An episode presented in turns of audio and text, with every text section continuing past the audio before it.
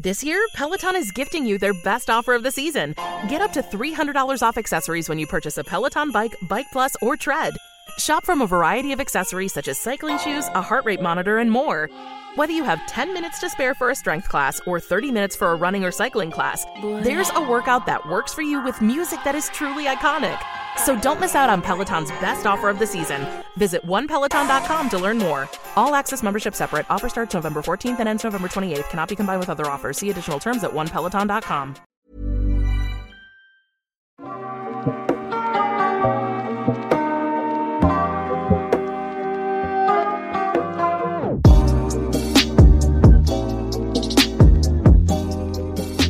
Hi, my name is Zach, and together with Wikipedia, I'll help you fall asleep. Get cozy and relax. I'll read out loud to you. Today, Halloween. A Celtic or Christian tradition?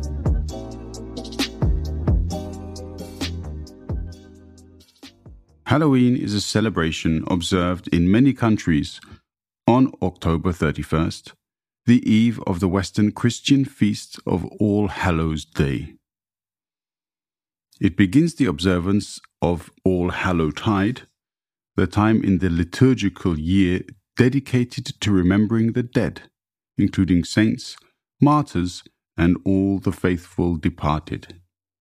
One theory holds that many Halloween traditions may have been influenced by ancient Celtic harvest festivals, particularly the Gaelic festival Samhain, spoken Samhain, which may have had pagan roots.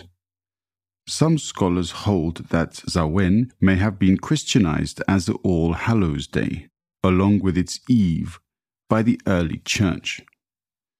Other academics believe, however, that Halloween began solely as a Christian holiday, being the vigil of All Hallows Day. Halloween activities include trick or treating, attending Halloween costume parties, carving pumpkins into jack o' lanterns, lighting bonfires, apple bobbing, divination games, playing pranks, visiting haunted attractions, telling scary stories, as well as watching horror films. In many parts of the world, the Christian religious observances of All Hallows Eve include attending church services and lighting candles on the graves of the dead remain popular, although elsewhere it is a more commercial and secular celebration. Some Christians historically abstained from meat on All Hallows Eve, a tradition reflected in the eating of certain vegetarian foods on this vigil day, including apples, potato pancakes, and soul cakes. Etymology the word Halloween, or Halloween, dates to about 1745 and is of Christian origin. The word Halloween means Saints' Evening. It comes from a Scottish term for All Hallows Eve. In Scots, the word Eve is even, and this is contracted to een. Over time, All Hallows Eve, een evolved into Halloween. Although the phrase All Hallows is found in Old English, All Hallows Eve is itself not seen until 1556. History Today's Halloween customs are thought to have been influenced by folk customs and beliefs from the Celtic speaking countries, some of which are believed to have pagan roots. Jack Santino, a folklorist, writes that there was throughout Ireland an uneasy truce existing between customs and beliefs associated with Christianity and those associated with religions that were Irish before Christianity arrived. Historian Nicholas Rogers, exploring the origins of Halloween, notes that while some folklorists have detected its origins in the Roman feast of Pomona, the goddess of fruits and seeds, or in the festival of the dead called Parentalia, it is more typically linked to the Celtic festival of Samhain, which comes from the Old Irish for summer's end. Samhain was the first and most important of the four quarter days in the medieval Gaelic calendar and was celebrated from October 31st to the 1st of November in Ireland, Scotland, and the Isle of Man. A kindred festival was held at the same time of year by the Brittonic Celts called Calan Gaeaf in Wales, a name meaning first day of winter. For the Celts, the day ended and began at sunset. Thus, the festival began on the evening before November 7th by modern reckoning. Samhain is mentioned in some of the earliest Irish literature. The names have been used by historians to refer to Celtic Halloween customs up until the 19th century and are still the Gaelic and Welsh names for Halloween. Samhain marked the end of the harvest season and the beginning of winter or the darker half of the year. Like Beltane, Mai, it was seen as a liminal time, and when the boundary between this world and the other world thinned. This meant the Aes Sídhe, spoken ice she, the spirits or fairies could more easily come into this world and were particularly active.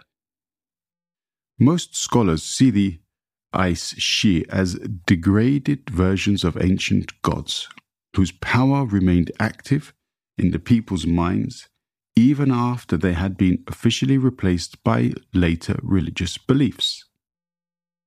The Aes Sídhe were both respected and feared, with individuals often invoking the protection of God when approaching their dwellings. At Samhain, it was believed that the Aes Sídhe needed to be propitiated to ensure that the people and their livestock survived the winter. Offerings of food and drink or portions of the crops were left outside for the Aes Sídhe. The souls of the dead were also said to revisit their homes seeking hospitality. Places were set at the dinner table and by the fire to welcome them. The belief that the souls of the dead return home on one night of the year and must be appeased seems to have ancient origins and is found in many cultures throughout the world. In 19th century Ireland, candles would be lit and prayers formally offered for the souls of the dead. After this, the eating, drinking, and games would begin. Throughout Ireland and Britain, the household festivities included rituals and games intended to foretell one's future, especially regarding death and marriage. Apples and nuts were often used in these divination rituals. They included apple bobbing, nut roasting, scrying, or mirror gazing, pouring molten lead or egg whites into water, dream interpretation, and others. Special bonfires were lit, and there were rituals involving them. Their flames, smoke, and ashes were deemed to have protective and cleansing powers and were also used for divination. In some places, torches lit from the bonfire were carried sunwise around homes and fields to protect them. It is suggested that the fires were a kind of imitative or sympathetic magic. They mimicked the sun, helping the powers of growth and holding back the decay and darkness of winter. In Scotland, these bonfires and divination games were banned by the church elders in some parishes. In Wales, bonfires were lit to prevent the souls of the dead from falling to earth. Later, these bonfires served to keep away the devil. From at least the 16th century, the festival included mumming and guising in Ireland, Scotland, the Isle of Man, and Wales. This involved people going house to house in costume, usually reciting verses or songs in exchange for food.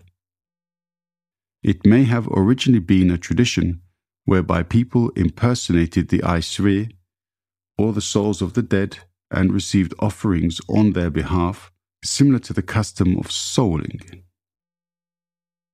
Impersonating these beings, or wearing a disguise, was also believed to protect oneself from them. It is suggested that the mummers and guisers personify the old spirits of the winter who demanded reward in exchange for good fortune. In parts of southern Ireland, the guisers included a hobby horse. A man dressed as a white mare led youths house to house reciting verses, some of which had pagan overtones, in exchange for food.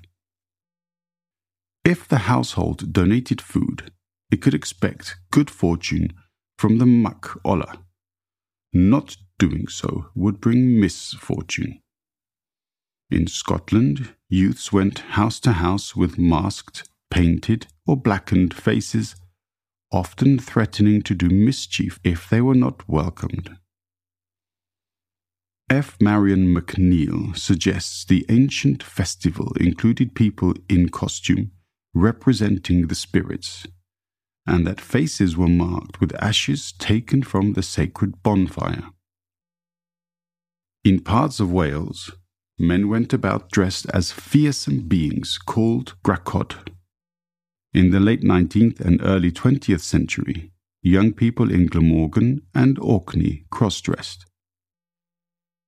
Elsewhere in Europe, mumming and hobby horses were part of other yearly festivals. However, in the Celtic speaking regions, they were particularly appropriate to a night upon which supernatural beings were said to be abroad and could be imitated or warded off by human wanderers. From at least the 18th century, imitating malignant spirits led to playing pranks in Ireland and the Scottish Highlands. Wearing costumes and playing pranks at Halloween spread to England in the 20th century. Traditionally, pranksters used hollowed out turnips often carved with grotesque faces as lanterns. By those who made them, the lanterns were variously said to represent the spirits, or were used to ward off evil spirits. They were common in parts of Ireland and the Scottish Highlands in the 19th century, as well as in Somerset. In the 20th century, they spread to other parts of England and became generally known as jack o' lantern. Symbols Development of artifacts and symbols associated with Halloween formed over time. Jack o' lanterns are traditionally carried by guisers on All Hallows Eve in order to frighten evil spirits. There is a popular Irish Christian folk tale associated with the jack o' lantern, which in folklore is said to represent a soul who has been denied entry into both heaven and hell. En route home after a night's drinking, Jack encounters the devil and tricks him into climbing a tree. A quick thinking Jack etches the sign of the cross into the bark thus trapping the devil.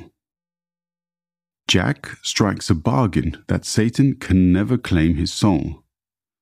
After a life of sin, drink, and mendacity, Jack is refused entry to heaven when he dies. Keeping his promise, the devil refuses to let Jack into hell and throws a live coal straight from the fires of hell at him. It was a cold night, so Jack places the coal in a hollowed out turnip to stop it from going out, since which time Jack and his lantern have been roaming looking for a place to rest. In Ireland and Scotland, the turnip has traditionally been carved during Halloween, but immigrants to North America used the native pumpkin, which is both much softer and much larger, making it easier to carve than a turnip. The American tradition of carving pumpkins is recorded in 1837 and was originally associated with harvest time in general, not becoming specifically associated with Halloween until the mid to late 19th century. The modern imagery of Halloween comes from many sources, including Christian eschatology, national customs, works of Gothic and horror literature, and classic horror films. Imagery of the skull, a reference to Golgotha in the Christian tradition, serves as a reminder of death and the transitory quality of human life, and is consequently found in Memento Mori and Vanitas compositions. Skulls have therefore been commonplace in Halloween, with touches on this theme.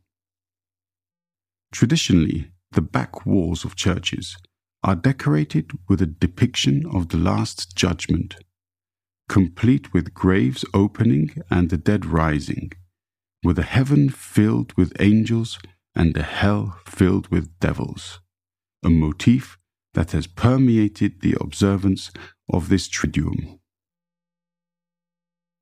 One of the earliest works on the subject of Halloween is from Scottish poet John Mayne, who, in 1870, made note of pranks at Halloween.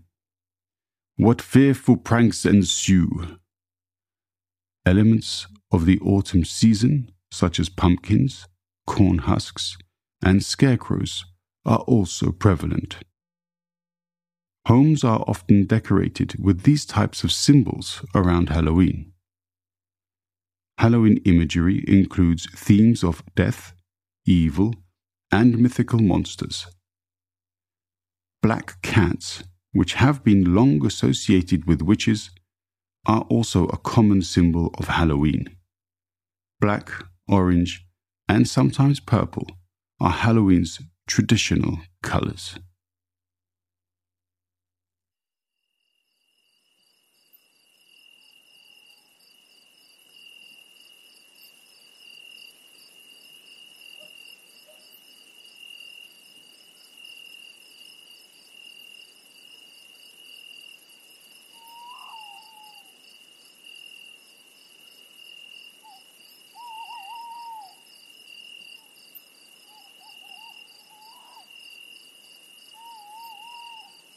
Hey, still awake? If you like this podcast, please hit subscribe and leave a rating in your podcast app.